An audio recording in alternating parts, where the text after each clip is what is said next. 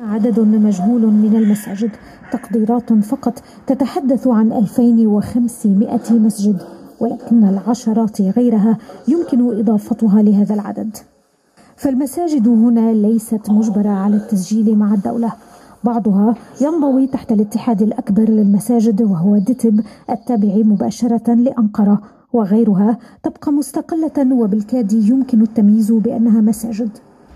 هذا الغموض دفع بنواب من الحزب الحاكم في ألمانيا لطرح موضوع تسجيل المساجد.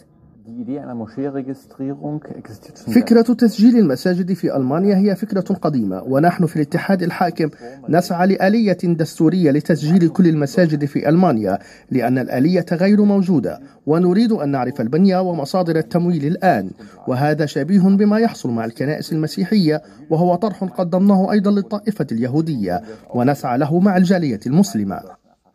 هذا المسجد في كولون مثلا الأكبر في أوروبا. افتتحه أردوغان شخصيا عندما قدم إلى ألمانيا قبل عامين وشكل جدلا كبيرا هنا خاصة وأن كثيرين اعتبروه استعراض قوة من جانب أردوغان ولكنه سلط الضوء كذلك على تحركات أنقرة في ألمانيا.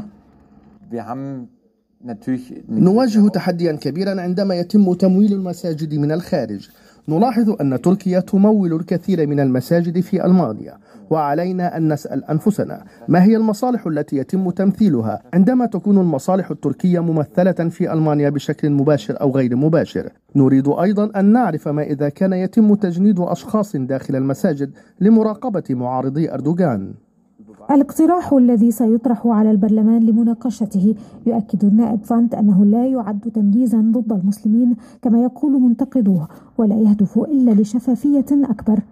تسجيل المساجد في ألمانيا هو واحد من اقتراحات عديدة يدرسها البوندستاغ والحكومة الألمانية بهدف تقليص التأثير الخارجي خاصة من أنقرة على الجالية المسلمة هنا الآتية بمعظمها من تركيا.